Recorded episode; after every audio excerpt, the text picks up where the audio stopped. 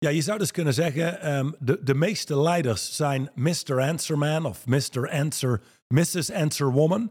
Die hebben altijd briljante antwoorden en kunnen je vertellen hoe het werkt en hoe het moet. De beste leiders, die hebben een luisteren ontwikkeld, waarbij ze kunnen horen waar het aan ontbreekt bij iemand. Iemand daarmee in contact kunnen brengen en door middel van vragen iemand zijn eigen antwoorden kan laten, laten creëren vaak. Welkom bij de Straight Line Podcast. De leiderschapsdialoog met diepgang en inhoud. Iedere week opnieuw een eerlijk gesprek over radicaal effectief leiderschap in turbulente tijden. En over winnen in het leven. Welkom bij de Straight Line Podcast met Mandy en Johan van der Put.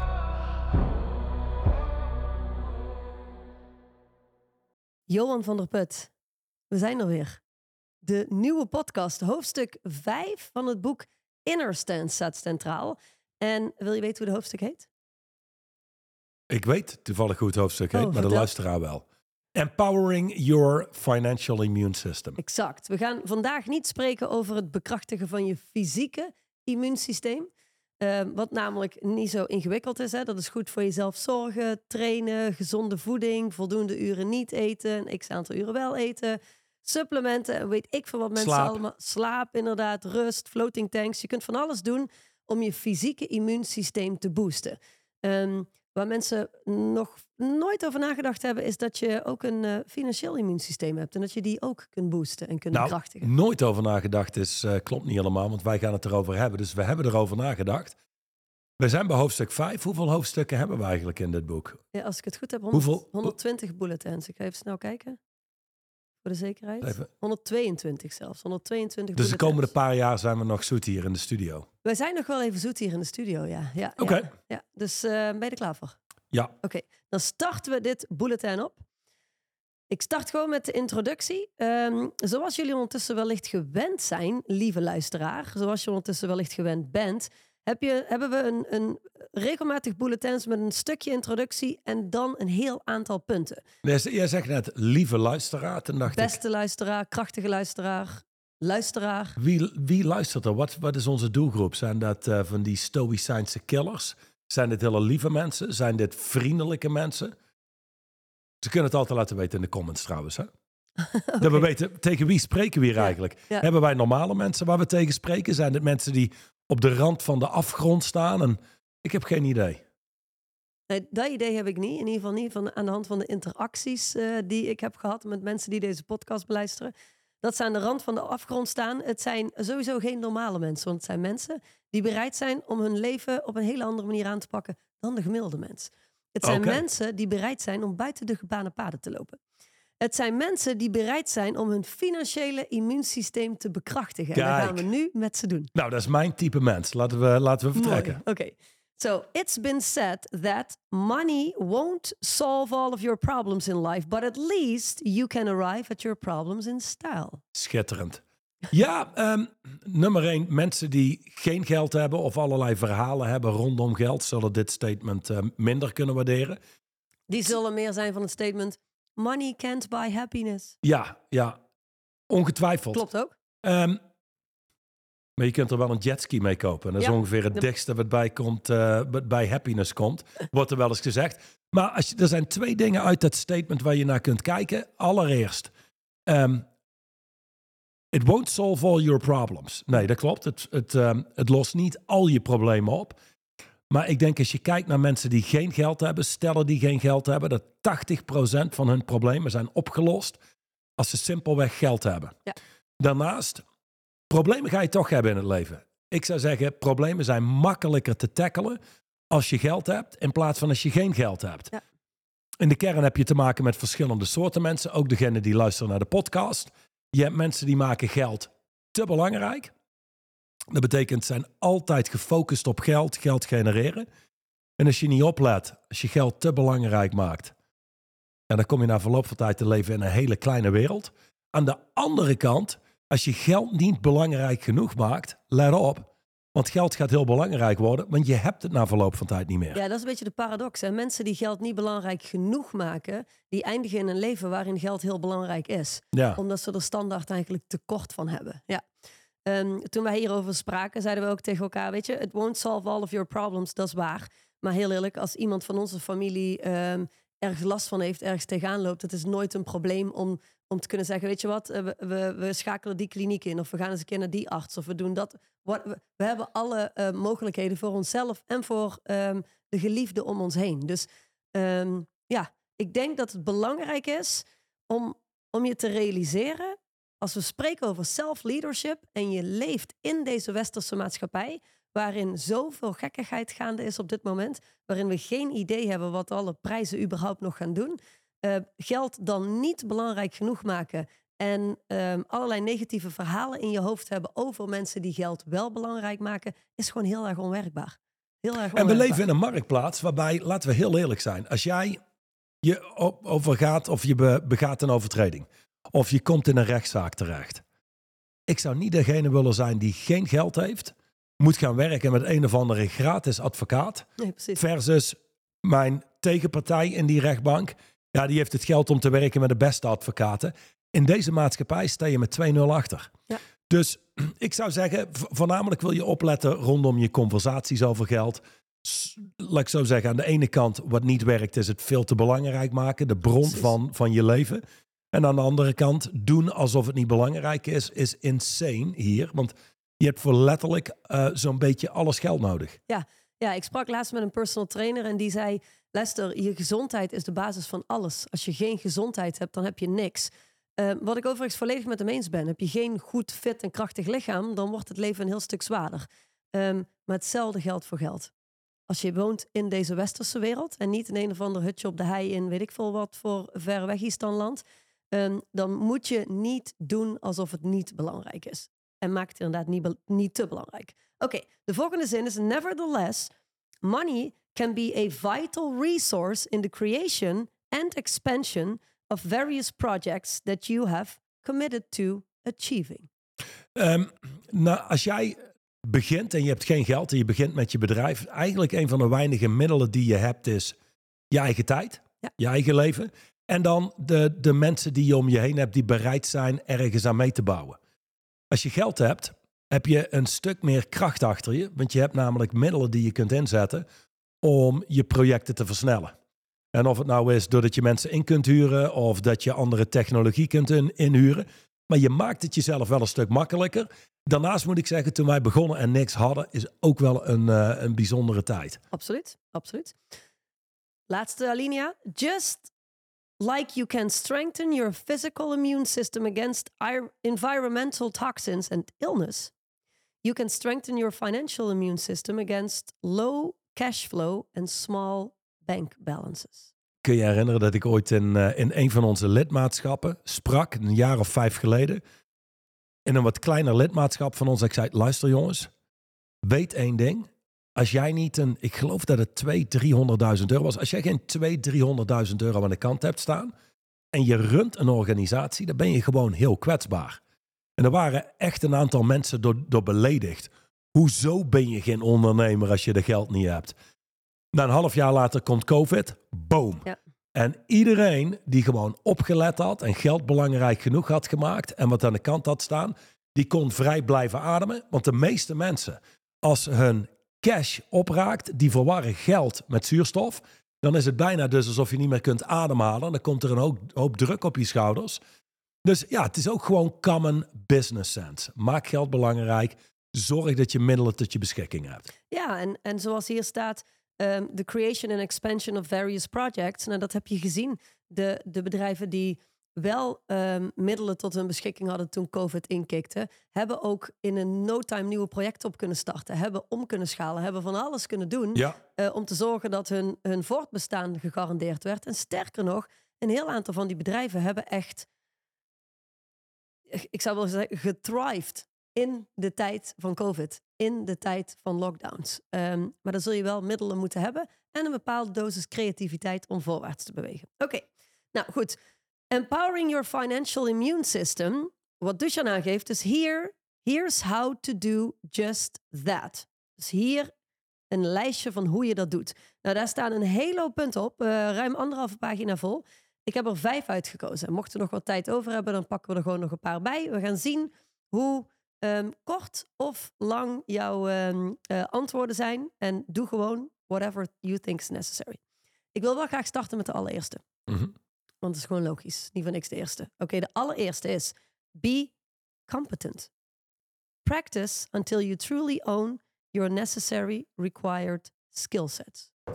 Na deze podcastopname ga jij naar de tandarts. Dat is correct. En als je naar de tandarts gaat en er zijn er drie in je dorp, Mhm. of er zijn er vijftien in je stad, naar welke tandarts ga je? Nou, de beste. Degene die het beste is. Niet degene van wie je steeds geluiden hoort. Ja, ik heb het idee dat hij alleen maar boort om te boren. Of ik heb toen een wortelkanaalbehandeling gehad en ik heb alleen maar last gehad en die andere tandarts kon het oplossen. Dus aan de ene kant, competenties zijn zeer belangrijk, want mensen kiezen je vaak uit op basis van je competenties. Over het algemeen, als mensen de mogelijkheid hebben om met zeer competente mensen te werken, dan kiezen ze daarvoor. Aan de andere kant, als ik kijk, wij hebben een uitspraak in coaching en ook eentje die we als context gebruiken voor onze eigen coaches. You have to over-rehearse beyond the rational. Dus je zult moeten blijven trainen en jezelf moeten blijven ontwikkelen. Ver, veel verder gaand dan, Dan het de, rationeel denken. ja, want rationeel zou het zijn, ja, ik heb dit nu wel genoeg gedaan. Ik heb dit aardig onder de knie. Ja. Nou, daar zit een groot verschil. We leven in een wereld waarin terminale middelmatigheid volledig geaccepteerd is. En, en, en dat is. is de standaard. Dus als jij extreem competent bent, dat maakt je extreem aantrekkelijk voor de mensen voor wie je er bent. En het zorgt ervoor dat je bedrijf vele malen soepeler, dingen lopen soepeler. Je weet wie je bent, je weet wie je doet. Ehm, ik kijk naar het volgende. Als jij kijkt nu, je hebt in, in Frankrijk, maar ook in, ik geloof Las Vegas, van die banketbakkers die wereldwijd bekend staan. Als je kijkt waar die kunnen bouwen, dat is echt extreem. Ding is dit. Dat wat zij maken, zie ik hier nergens in de winkels liggen. Sterker nog, de croissants die zij maken, de patisserie of hoe je dat dan ook noemt, die zij maken, laat alles wat ik hier zie er echt uitzien als een soort van tweedehands artikelen. Alsof het al een keer gegeten is. Dus ook daar maakt het een mega verschil. Ja. Kijk naar iemand die je auto maakt. Wie wil je hebben? Degene die competent is, die exact weet wat hij doet. Niet iemand die vier uur moet kijken en besluit... ah, het was toch iets kleins. Het was daar toch één schroef die ik moest aandraaien. Ja, precies. Oké, dan heb ik een vraag aan je. Omdat... En, oh, en daarnaast, zeer competente mensen zijn over het algemeen ook geld waard. Je competenties zijn geld waard. Dus een gemiddelde competentie is eigenlijk niks waard. Mhm. Minimumloon, net iets daarboven. Ja. Zeer competent zijn, ja, dan verhoogt je waarde. Precies, ja. Dus voor iedereen die ehm, eh, wellicht manager is, leidinggevende of een medewerker in een team, ben je daar bewust van. Hoe competenter je bent, hoe hoger de waarde wordt van jou voor de organisatie. Ehm, dat geldt ook voor alle freelancers, alle ZZP'ers, iedereen die daar in die hoek luistert. Nu eh, wil ik het heel graag even trekken naar de hoek die luistert, die de zakelijk leiders zijn. Want dat is natuurlijk in de Mhm. basis waar Straight on Leadership ooit voor eh, ontstaan is. En daar hebben we het over competenties. Nou, de gemiddelde zakelijk leider is niet zelf eh, aan auto's aan het sleutelen. En de gemiddeld zakelijk leider is niet zelf gebakjes aan het bakken. Niet dat daar iets mis mee is, maar dat is gewoon. Nee, dat is niet de taak van een leider. Nee, dat is niet over het algemeen Nee. niet wat de zakelijk leider doet. Eh, wat de zakelijk leider doet, is leiden. Dus dan zou mijn vraag aan jou zijn: be competent. Op het moment Wat dat houdt jij dat in voor een leider? ja, als jij in een leiderschapspositie zit en eh, het eerste om je financial immune systeem te bekrachtigen is be competent. Wat houdt dat in als zakelijk leider? Eh, Ik zou de basis voor een zakelijk leider om competent te zijn, is als je een bedrijf bekijkt als een netwerk van mensen die je daar hebt werken. En er kunnen er twee zijn, er kunnen er 35.000 zijn. Dat netwerk van mensen heeft een heel netwerk van conversaties. Meetings, gesprekken, noem maar op. Als dat niet leidt tot hele duidelijke, concrete commitments, dan heb je sociale gesprekken. Dus een leider maakt al onderscheid in wat voor soort gesprekken zijn dit? Beschrijvende gesprekken? Verklarende gesprekken? Vanuit daar, als die commitments gemaakt worden, zul je moeten kijken wat voor commitments zijn dit. Krachtige commitments, zwakke commitments, criminele commitments. Dat leidt tot de resultaten die je als leider voor ogen hebt. Dus een leider zal allereerst goed in staat moeten zijn om te luisteren. Die zal onderscheid moeten kunnen maken in taal in gebruik, de taal die mensen gebruiken. En taal zou wel zijn, je hebt beschrijvende taal. Beschrijvende taal creëert niks nieuws. Dat geeft een indruk van wat is er nu gaande. Dan zal een leider van beschrijvende taal moeten shiften naar verklarende taal. Want hoe je een toekomst voorspelt, is verklaren hoe die toekomst eruit ziet. Verklaren wat het is wat je gaat doen en het vervolgens doen. Mhm. Dat is de beste voorspeller van de toekomst. Dus een leider zou communicatief vaardig moeten zijn, zowel in spreken als in luisteren. Vanuit daar zul je met mensen moeten kunnen werken, want alles is georiënteerd rondom mensen. En dan kijk je naar, een leider zal, zal zich bewust moeten zijn van wie hij of zij is in het huidige moment. En dat wat nu werkt bij de persoon waar je nu mee spreekt, kan totaal ongepast zijn in je volgende conversatie. Dus ik zou zeggen, als het gaat om daar eh, competenties, zou zijn luisteren, spreken, communicatie. Het is mensen kunnen plaatsen en mensen kunnen inschatten. Daar zijn ondernemers echt slecht in. Je hebt ehm DISC, je hebt eh, dat eh, spel met al die kleuren. Met alle respect, daar heb je alleen maar nodig als je mensen niet kunt plaatsen. Ja, En, ja. en dan wacht even, en dan het volgende. Dan hebben ze al die systemen die ze implementeren. Hij is eh, paars, of hij is rood, of hij is groen. Dan, ja, dan kunnen we de mensen op de juiste plaats zetten. En dan?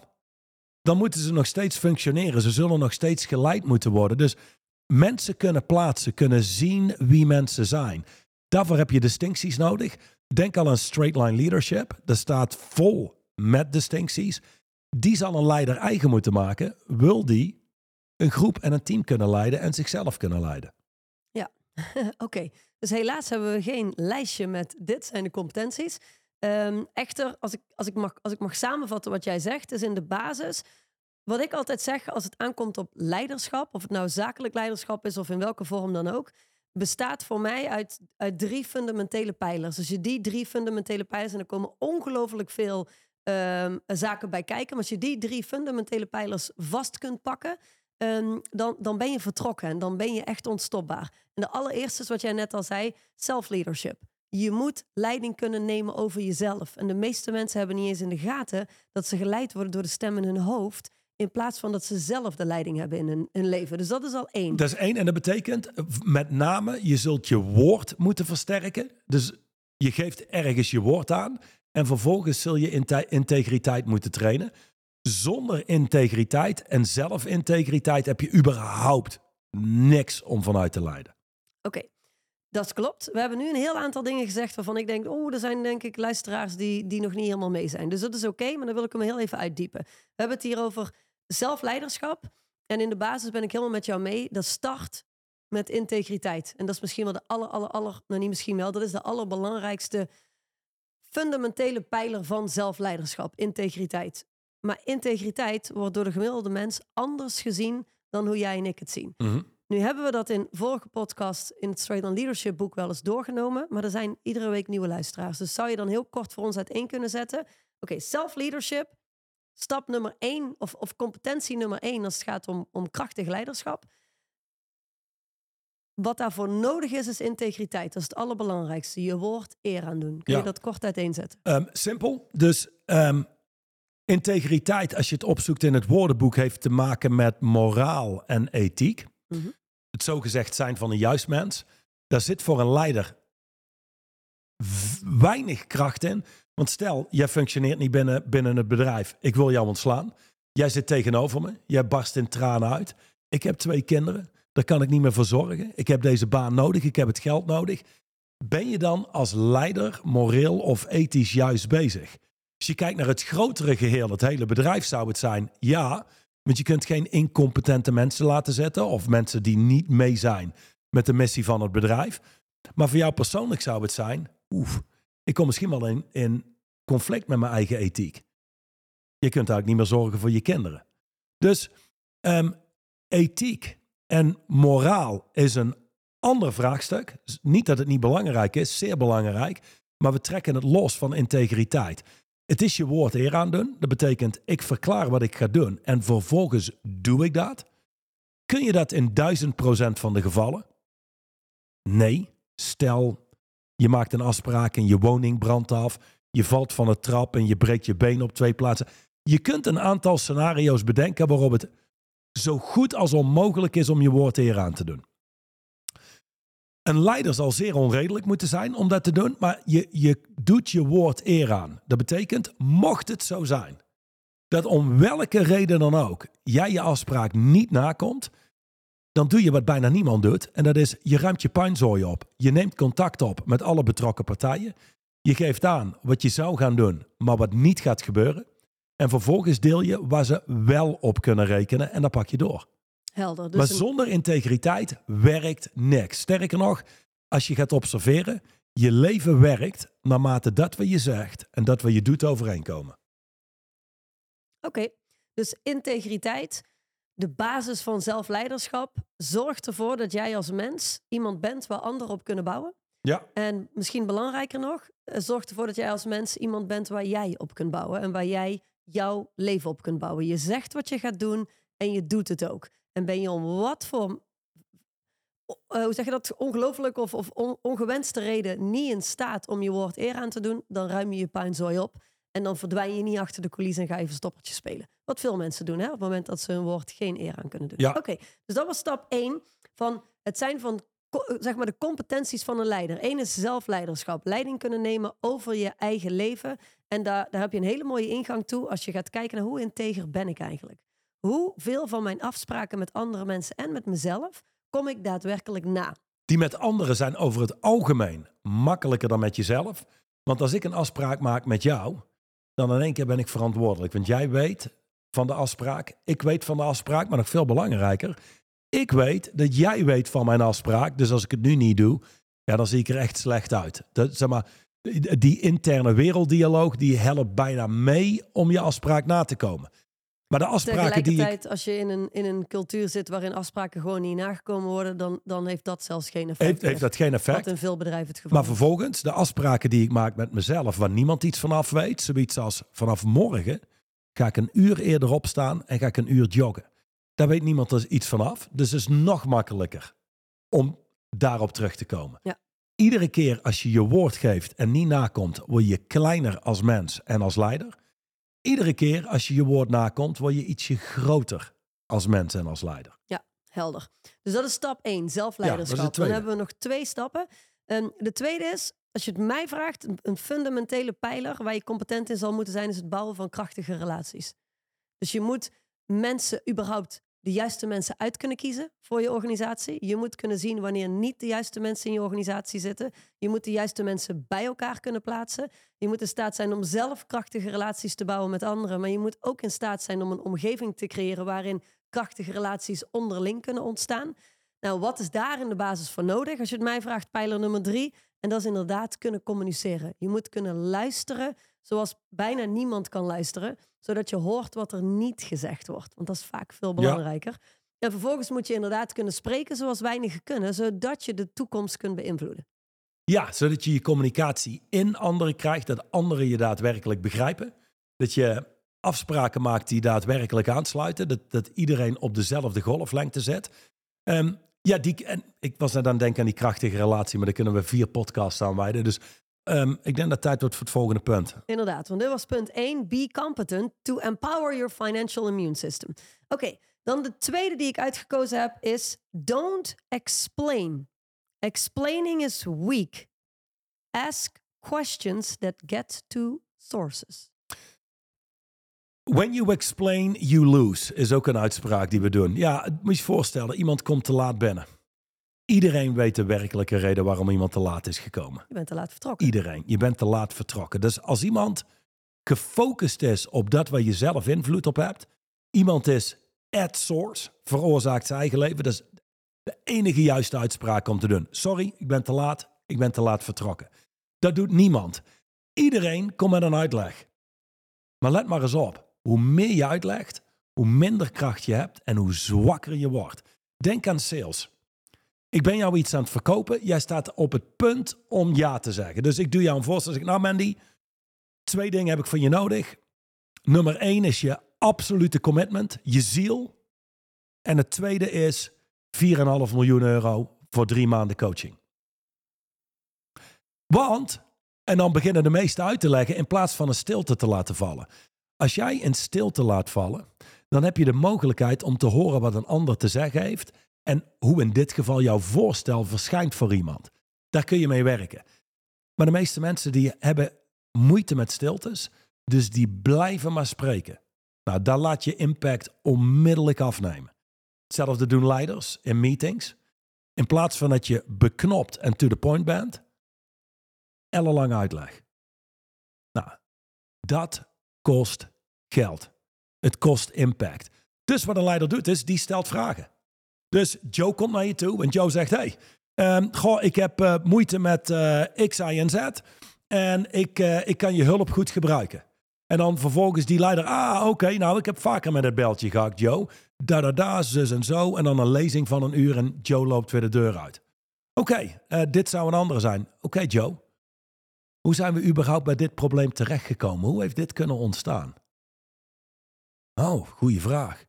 Nou ja, ik denk omdat ik in de kern um, met Janine en met Harry gewoon geen duidelijke afspraak heb gemaakt. Oké. Wat was de afspraak nu? Ja, de afspraak was dat ze me zo snel mogelijk iets zouden laten weten. Oké, en? En ja, ze hebben allebei nog niks laten weten. Oké. Dus wat zie jij voor jezelf dat vanuit hier het plan is? Ah, uh, simpel. Wat ik moet doen is beide met zijn contact een afspraak maken. Want ik heb dit volgende week vrijdag uiterlijk nodig, hun input. Want anders hebben we een probleem. Dus ik zal met ze spreken dat ik het woensdag nodig heb. Kan ik nog wat dingen bijstellen? Dit als simpel voorbeeld, hè? maar je wil vragen stellen. Je wil tot oorzaken komen. Je wil niet blijven dealen met allerlei symptomen waar mensen ja. mee rondlopen. Ik vind het wel een mooi voorbeeld wat je geeft. Want um, wat ik veel zie gebeuren bij zakelijk leiders is inderdaad dat iemand binnenkomt en de zakelijk leider die heeft al de hele uitleg en die heeft ook de hele of die heeft de oplossing en die legt uit waarom dat de oplossing is en waar dat allemaal vandaan komt en hoe dat allemaal ontstaan is. En iemand loopt naar buiten en is zelf nog steeds niet groter geworden. Nee. Zelfs nog steeds niet, niet, niet, niet, niet slimmer geworden, heeft nog steeds niet meer dots zelf kunnen connecten en gaat gewoon domweg iets uitvoeren. Ja, je zou dus kunnen zeggen, um, de, de meeste leiders zijn Mr. Answerman of Mr. Answer, Mrs. Answer Woman. Die hebben altijd briljante antwoorden en kunnen je vertellen hoe het werkt en hoe het moet. De beste leiders, die hebben een luisteren ontwikkeld, waarbij ze kunnen horen waar het aan ontbreekt bij iemand. Iemand daarmee in contact kunnen brengen en door middel van vragen iemand zijn eigen antwoorden kan laten, laten creëren vaak. Nou, dat betekent dat mensen groter worden, intelligenter worden, competenter worden, uitgedaagd worden om hun eigen brein te gebruiken. Um, dus een leider creëert of volgers, wat de meesten doen, of je creëert, creëert leiders en dan zul je in staat moeten zijn vragen te stellen. Oké. Okay. Even een hele andere invalshoek van deze Don't Explain. Wat ook in me opkomt, is je hebt genoeg leiders die waarbij zakelijk resultaat uh, achterblijft. Hè? Ze mm -hmm. niet on track zijn met waar ze werkelijk naar op weg zijn. En, en wat die doen, is ook altijd uitleg geven waarom het zakelijke resultaat uitgebleven is. En dat zet ze in principe in een gevangenis. Ja, dat brengt je in een cirkel. Als jij mensen vragen gaat stellen als waarom is het niet gebeurd? Waarom is het resultaat er niet? Dan vraag je mensen simpelweg om een verhaal te vertellen. En dat verhaal kan te maken hebben met de waarheid of het is gewoon een verhaal. Als je vragen stelt, kun je tot oorzaken komen. Wat is hiervan de oorzaak? Wat is er gebeurd waardoor dit gebeurd is? Ja, ja en, en da daarmee, wat ik eigenlijk bedoelde te zeggen, was niet eens een interactie met je team, maar zelf, zeg maar, als zakelijk leider ben je in interactie met een goede vriend. Uh, je bent een mm -hmm. avondje uit en, en de resultaten blijven achter. Dus een goede vriend, daar ben je gewoon eerlijk bij. En dan let maar eens op, luister maar eens naar wat je er allemaal omheen vertelt waarom de resultaten achter zijn gebleven. Wat alle redenen zijn. De markt, uh, tekort aan personeel. Weet ik veel wat mensen allemaal vertellen. Wat de redenen zijn waarom de resultaten in een organisatie niet zijn zoals gewenst. Uh, dat is ook, ja. uh, weet je, ja. dat is ook een invalshoek die ik wil belichten. Aangezien Omdat, het gaat over empowering your ja, financial dus, immune system. Oké, dus of je hebt alle redenen en excuses waarom je staat waar je staat. Precies. Of je hebt gewoon de resultaten die je vooraf gezegd hebt te doen. Precies. En dat betekent verhalen en redenen en excuses maken plaats voor actie. Maken plaats voor oplossingen. Maken plaats voor resultaat. Dus het is een hele andere wereld. Ja, die, ja, zeg maar verhalen en redenen en excuses wil je plaats laten maken voor oplossingen. En ook daar kun je met jezelf in gesprekken. Dus ask questions that get to sources. Luister, simpel. Als jij twee mensen hebt, één iemand heeft wel resultaat en de ander heeft geen resultaat. De ene zal komen met dit is het resultaat. Geen Punt. uitleg, niks. Precies. Dan kun je hooguit vragen, hey, hoe is dit tot stand gekomen? En dan kom je altijd terug op acties die ondernomen zijn. Vraag het de ander die geen resultaat heeft. Die hebben altijd uitleg, hebben altijd een verhaal. En het verhaal heeft plaatsgemaakt, of eigenlijk moet ik zeggen, acties hebben plaatsgemaakt voor een verhaal Precies. waar iemand in leeft. Ja. En waar het aan ontbroken heeft, is de acties om iets wel voor elkaar te krijgen. Precies. Maar dat is En- niet wat mensen zo duidelijk opvalt. Die Nee. geloven in hun eigen verhalen. Ja, maar dat is de reden waarom ik dit nog uit wilde eh, punten. Omdat op het moment dat je je... Let maar eens op, op het moment dat resultaten achterblijven... en je hebt veel uitleg, hoe goed die uitleg ook klinkt... en hoe logisch het ook allemaal klinkt... shift eens naar jezelf vragen stellen. Wat maakt eigenlijk dat we hier met de organisatie nu staan? Ga, ga dat gesprek eens met jezelf aan. Ja. In plaats van dat je jezelf constant dezelfde verhalen blijft vertellen. Ik, want ik, dat- heb, ik heb twee vragen voor mensen. Twee vragen. Nummer één is, als ze klaar zijn met hun eigen roman te schrijven. Oké, maar wat zijn de werkelijke acties die je hebt gedaan? Wat heb je gedaan? En dan komen ze met een antwoord. En dan is de tweede vraag altijd dit. Wat heb je werkelijk gedaan? En wat je werkelijk gedaan hebt, is verhalen verzonnen waarom het niet kon, in plaats van mogelijkheden hebben bedacht waarop het wel kon. Moeilijker dan dat is het niet. Maar mensen geloven nogmaals in hun eigen verhalen. En dat is wat meteen snijdt in je eigen financiële immuunsysteem. Oké. Dus welke twee vragen moeten ze zichzelf stellen? Wat heb je gedaan? En wat heb ik werkelijk gedaan? Juist. Goed. Nummer drie, als het gaat om het bekrachtigen van je financiële immuunsysteem. En nogmaals, het is een hele lijst. We kiezen er vijf. Nummer drie die ik gekozen heb is pay with your attention. Als jij kijkt naar mensen en je kijkt naar de huidige maatschappij. Alles en iedereen vecht om je aandacht. Je iPhone, als je, als je hem niet op stil hebt staan, gaat continu af. Je Teams, je WhatsApp, de telefoontjes, de e-mails, Facebook, social media. Alles vraagt om je aandacht. Loop maar eens buiten op straat. Dan, eh, hier valt het mee. Maar als jij in New York loopt of Las Vegas, zoals jij eh, vorige week. Alles schreeuwt om je aandacht. Alles en iedereen. Ieder merk. In deze maatschappij. Betalen met je aandacht en ergens aanwezig zijn is het, het meest waardevolle wat je kan doen. Laat ik het zo zeggen. Hetzelfde als je bent een druk ondernemer. Je zorgt ervoor dat je gezin niks tekort komt. Je hebt een mooi huis, eh, prima auto. Je kunt twee keer per jaar op vakantie. Dat is allemaal waardeloos als jij steeds thuis komt en niet betaalt met je aandacht. Toen ik met Dushan in aanraking kwam en ehm, ik moest 175.000 dollar betalen. Achteraf vroeg ik wel eens, waarom 175.000 dollar? Eh, en in de kern betaal je voor zijn competenties. In combinatie met het resultaat wat ik wilde veroorzaken. Dus die moet al overeenkomen. Als ik kom voor een of ander klein doel, is het niet logisch om met Dushan te werken. Maar dit was, zijn, was het andere deel van zijn antwoord wat ik zeer sterk vond. Zei hij, well, listen. If I'm working with you or whomever I'm working with, people actually have to pay with their attention. If they won't, you have a problem, they have a problem. En dan ga maar eens kijken hoe mensen werkelijk naar elkaar luisteren. Hoeveel aandacht hebben we werkelijk voor andere mensen? Nauwelijks. En als we in conversaties zitten, dan zijn we heel vaak afgeleid. De stem in ons hoofd komt op goede ideeën of we luisteren om meteen te reageren. Werkelijk betalen met je aandacht is schaars. Iemand, wie zei het nou laatst? Ehm, er was een acteur, speelt in The Big Lebowski. En voor degenen die de Big Lebowski kennen, hij speelt de ex-soldaat, stevige kerel die altijd rondloopt met zo'n gele schietbril. En dan heb je Mr. Lebowski, de hoofdrolspeler, Jeff Bridges. De dude. De dude, El Dudorino. En er wordt gevraagd aan die, die man die die rol speelt van die ex-soldaat. Hoe was jouw ervaring in het werken met Jeff Bridges? Zegt hij, man, it's a unique experience. He is just one of those exceptional people. When you're speaking with him, it doesn't matter who's around you, you are the only one in the room. Dat was wat hij zei. Je hebt iemand zijn onverdeelde aandacht. En in deze maatschappij kunnen betalen met je onverdeelde aandacht, maakt je uniek en zorgt ervoor dat je opvalt. En Duchan zou je dit zeggen. Well, I probably made a couple of million dollars just by really listening powerfully to people. Because most people don't. They don't have an experience of people really actually listening to you. So yeah, that scares. En dat is mijn ervaring.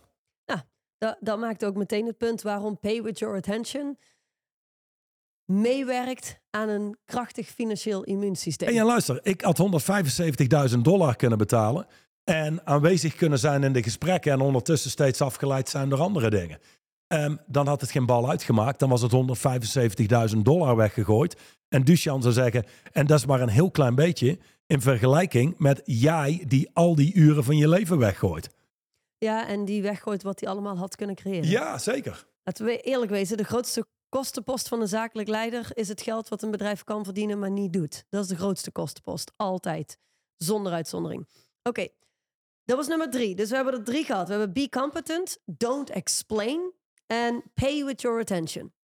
Nummer vier. Choose a powerful outcome and ignore everything else. Dit is de, voor iedereen die ooit iets heeft gedaan met time management of rondloopt met ik heb niet genoeg tijd of whatever dat het is. Dit is de ultieme time management tool. Het is namelijk gewoon commitment management. Heb een duidelijk purpose. Dat is waar je voor gaat. En als jij dingen heel belangrijk maakt, dan zul je merken dat dat automatisch je, je tijd verdient, je aandacht verdient. Maar het is maar net wat je belangrijk maakt. Dus de beste vorm van time management is commitment management. Weet heel duidelijk wat je purpose is. Die vind je niet, die creëer je. En dat is waar je voor gaat. En dat betekent. Kun je nog één keer op, opnoemen wat, uh, wat de exacte zin is? Choose a powerful outcome and ignore everything else. Ja, en dan kijk ik naar de mensen waar we mee werken. Die hebben over het algemeen niet zo heel veel gaande. Die runnen een organisatie. Die hebben een gezin. En die hebben nog wat vrije tijd waarin ze wat sporten en hier en daar een keer vrienden zien. That's it. Die hebben heel duidelijk hun prioriteiten. Die zullen niet om aardig gevonden te worden naar allerlei feestjes gaan of afspraken maken waar ze eigenlijk geen zin in hebben. Maar ja, ik kan het ook niet maken om het niet te doen. Denk aan de klassieker met Duchamp. Christophe die belt. hey, ik heb Svetlana ten huwelijk gevraagd. En ze zei ja, we gaan trouwen. Waarop die, waarop die zegt, oké, okay, good. Well, don't invite me to your wedding. I don't have time. En dat is een goed voorbeeld van iemand die gewoon weet waar die de tijd en aandacht aan besteedt. En als Christophe zou komen met, hey, ik heb een probleem. Ik heb je hulp nodig. Zal Duchan er altijd staan, want dat is belangrijk. Maar gewoon, hey, we zijn vijf dagen in Firenze en we hebben daar één groot feest, is niet belangrijk.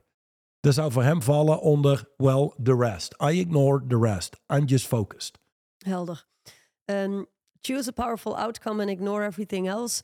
Um, dat betekent mij... trouwens ook, nu je het zo zegt, dan zul je ook merken, hoe groter je bedrijf wordt, hoe groter jij als mens wordt, hoe meer mogelijkheden je ziet. Ik weet dat mensen altijd doen alsof briljante ideeën schaars zijn. Die zijn er een hele hoop. Maar ook dat, weet je, je hopt niet van het een naar het ander. Je drijft een aantal dingen enorm ver vooruit. En ook die andere rest, die briljante miljoenen ideeën, weet je ook te negeren. Helder. Oké. Um, de volgende waar ik over wilde spreken was manage commitments, not time. Maar daar heb je al over gesproken. Voor iedereen die dacht, goh, dat, dat, was wel interessant wat ik daar hoorde. Uh, we hebben daar een uitgebreidere podcast over in de Straight Line Leadership uh, reeks. Het is hoofdstuk 31 in het boek Straight Line Leadership, waarin wij dieper ingaan op het feit dat zoiets als time management niet bestaat. En werken aan je time management is een illusie die je harder en harder in een cirkel trekt die niet werkbaar is. Dus als je daar net daar enigszins uh, van dacht, hey, dit is interessant, luister hoofdstuk 31 van de vorige podcastreeks. Dan kies ik nu uh, nog één ander uit en dat is... Kies, en dan kan ik vast zeggen, koop het boek. Want er staan denk ik een stuk of 20 tot 25 maxims in, quotes in, die je kunt gebruiken. En we hebben er vijf behandeld dadelijk. Mm -hmm. Ik vind dit wel een leuke voor jou. Er staan er inderdaad een hele hoop in. Uh, ik, ik, kan er een hele hoop kiezen. Oké, okay, jij mag kiezen. Ik heb twee opties. Of build muscle called endurance. Build -hmm. the muscle called endurance. Of stop pretending you're content. It's just fair talking. Hmm. Ik dacht, eh, toen je het ging vertellen, dacht ik, oh, dit wordt een makkie. Maar Maar oké, ze zijn allebei Eén of goed. twee? Ehm, Eén of twee? laten we twee doen. Twee. Oké, dus dit is de laatste, beste, krachtige, misschien lieve, maar misschien ook niet lieve luisteraar. Dit is de laatste die we behandelen in deze podcast. Stop pretending you're content. It's just fair talking.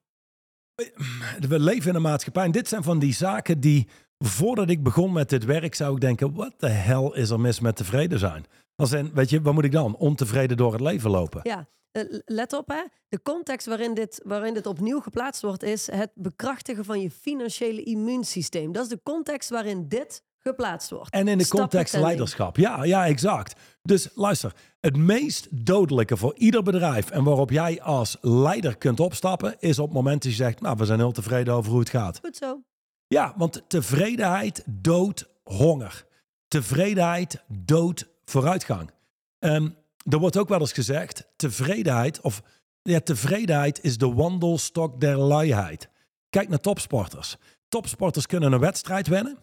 En een soort van, oké, nou dit, eh, dit hebben we gewonnen. En meteen is de focus op het volgende. Ehm, Sir Alex Ferguson is een van de meest succesvolle coaches aller tijden, sportoverstijgend. Die zou zeggen: If you don't have hunger, you need to stop. You need to quit. And he doesn't work with you. Ja, ja, nee, jij werkt niet mee als je geen honger hebt. Nee. Weet je, tevredenheid is angst. De angst, nogmaals, waar ieder mens mee rondloopt, is de angst voor discomfort. Discomfort. Dus angst voor discomfort betekent de luiheid, waar we over spreken hier, wordt gedreven door angst. De angst zit gekoppeld aan discomfort. En dat is waar mensen uit de weg gaan.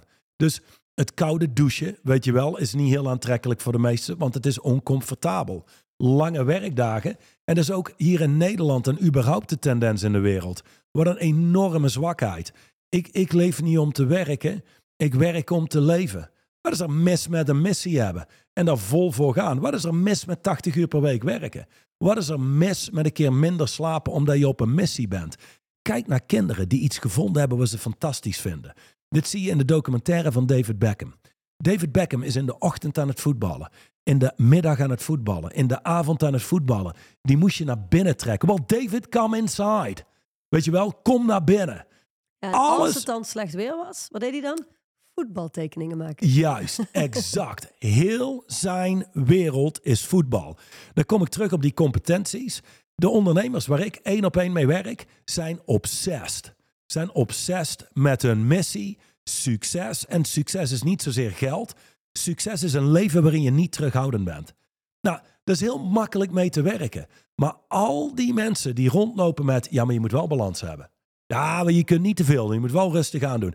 Met alle respect, ik heb echt nog nooit, maar dan echt nog nooit iemand ontmoet die ik iets significants deed, lees, iets meer deed dan dat wat fucking middelmatig is, die, die niet al zijn tijd en energie daarin stopte.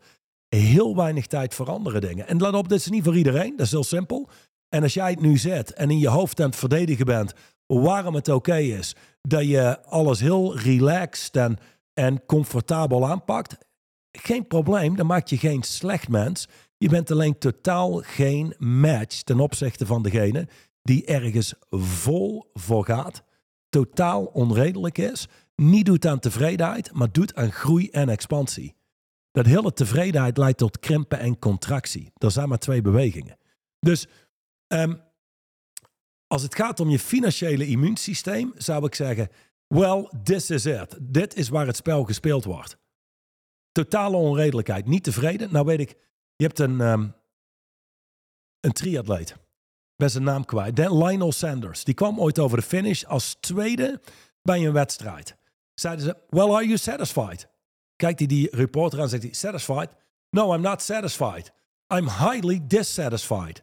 So I became number two. There's only one place, it's number one. Zo moet je denken als topsporter. Want als jij rondloopt met, oh my god, tweede is briljant en fantastisch. En we zijn tevreden met een tweede plaats. De coach van zo'n persoon zou, zou moeten wakker schudden. En een soort zou een bom in je gezicht moeten ontploffen. Dat je weet, De kans dat wij wereldkampioen gaan worden is zeer klein. Of zoals we hier in Nederland rondlopen met... dadelijk de Olympische Spelen gaat over verhalen. Niet over winnen. Oké, hey, het klinkt heel 2023. Het klinkt heel soft. Dat is niet hoe een kampioen denkt. Een kampioen is ontevreden als hij tweede wordt. Of context is bepalend. Ik kan absoluut een paar redenen bedenken waarom ze wel tevreden zouden kunnen zijn. Ja, maar dat is het dan ook. Hè. Dan krijg je ook de, de, de ex- explanations. En explaining is weak. Ik bedoel, als iemand aan een wedstrijd meedoet als topsporter en eindigt als tweede... En, en hij is daar tevreden mee, dan zal hij een hele hoop redenen hebben waarom hij daar tevreden mee is. Ehm, wat en dat is mensen precies niet wat in de weg zet om Ja. te winnen. Wat mensen niet beseffen als je het mij vraagt, is dat ehm, het zijn al die redenen, al die verhalen, al die zaken die, die je vertellen dat het zo belangrijk is om een leven te hebben in balans en dat je niet zo obsessief moet zijn en dan, dan, het andere ding, die energie kosten. Het is dat wat mensen vermoeit als je het mij vraagt. Zeker, al die de verhalen. die dat, ik, ja. Exact. De mensen die ik ken, die gewoon op een missie zijn en die aanstaan en die inderdaad 80 uur per week werken en die al die verhalen niet hebben en die een paar dingen in hun leven hebben die heel belangrijk zijn. Daar zijn ze gecommit op en they literally ignore the rest. Zijn mensen die hebben tomeloze energie. Lijkt wel alsof die niet te stoppen zijn. Het is interessant voor al die mensen die altijd op zoek zijn naar balans om daar eens naar te kijken. Kijk daar Ja. eens eerlijk naar. ja, Kijk eens naar hoe mensen op een missie die, die fuck balans zeggen, hoeveel energie die hebben als die op het speelveld staan, versus die mensen die altijd maar een soort van, ehm, hoe noem ik dat? Berekenend zijn. Weet je, ja, ik kan wel dit, maar dan Ja. moet ik wel dat. En ik kan wel dit, maar dan moet ik wel, dan moet ik wel zoveel uur slapen. Dan moet, die mensen precies. zijn over het Ja, nee, veel ik, minder ik, ik, ik energie. werk hier en dan hier heb ik vrije tijd en dan daar doe ik dat. Ja. En ondertussen, life is fired at you point blank. Precies. Als jij probeert al je werk tegen te houden op het moment dat je daar vrije tijd hebt en andersom. Maar het werkt niet. Nee, het kost niet. energie. Ja, het is dodelijk vermoeiend. Ehm, Oké, dan ga ik afsluiten met eentje waar je niks meer op hoeft te zeggen. Maar wat als je het mij vraagt, eigenlijk een verdieping is van dat wat je net hebt Ik gezegd. zal gewoon knikken en ja Nou, je zeggen. mag best iets zeggen, maar het hoeft niet per se. Eh, dit is als je mij vraagt een soort van samenvatting van dat wat je net zei toen ik vroeg: Stop pretending you're content. It's just fair talking. Hè? Daar ging jij in op van alles en nog wat. Ehm, Oh en ja, dat dan, deed dan mij- tot slot als, als aansluiting op wat we net zeiden. Als iemand werkelijk mensen kan lezen, gewoon kan zien wat gaat er schuil achter de act die hiervoor spreekt. En iemand is allemaal aan het prediken over balans en je kunt niet te veel werken en je kunt niet dit. It's just fear running your life. Dat is wat je ziet als je verder kijkt dan alleen de oppervlakte. 100 procent. Al mooie samenvatting als het gaat om empowering your financial immune system. Los van dat jij net al zei, koop gewoon het boek. Zoals je ondertussen wel weet, er zijn maar 5000 exemplaren. Hij wordt niet opnieuw gedrukt. Wellicht komt dit bulletin niet meer terug in een van de drie nieuwe Inner Stance boeken. En er staan een hele hoop punten in. Nou, als afsluiter, ik vind het een hele mooie, positieve afsluiter. Wellicht niet iedereen, maar hey. Do what you hate. What feels good in the beginning and bad in the end is usually bad for you. The other way around is the same. What feels bad in the beginning usually feels good in the end. Niks op te zeggen. Do what you hate, not Tot- only what you love. Volgende week. Tot volgende week. Bye. De Straight Line podcast is opgebouwd uit verschillende reeksen. En uiteraard zijn we de eerste reeks gestart met het verdiepen van het boek Straight Line Leadership. De originele ondertitel van dit boek was Tools for Living with Velocity and Power in Turbulent Times. Oftewel, dit boek staat vol met distincties die jou helpen te leven met opwaartse snelheid en met kracht. In dit boek vind je de absolute basis van ons werk. Nu, nu zijn we begonnen met de tweede Straight Line podcast reeks. En die staat in het teken van het boek Inner Stance. Distinctions for living a stronger, faster, more effective life. Al sinds de jaren 80 deelt Dusan Djukic diepgaande bulletins over hoe je sneller en krachtiger door het leven kunt bewegen. Deze bulletins hebben een enorme impact gemaakt. Enorm op de resultaten van honderdduizenden ondernemers. En jij kunt daar één van zijn. Dit boek, het Inner boek, is een compilatie van al deze bulletins. En let op, er zijn maar 5000 exemplaren gedrukt. Dit boek, deze, is dus een limited edition. Er komt namelijk geen herdruk. Dus wees er snel bij. Zorg dat je je handen krijgt aan dit boek. En volg uiteraard deze podcast.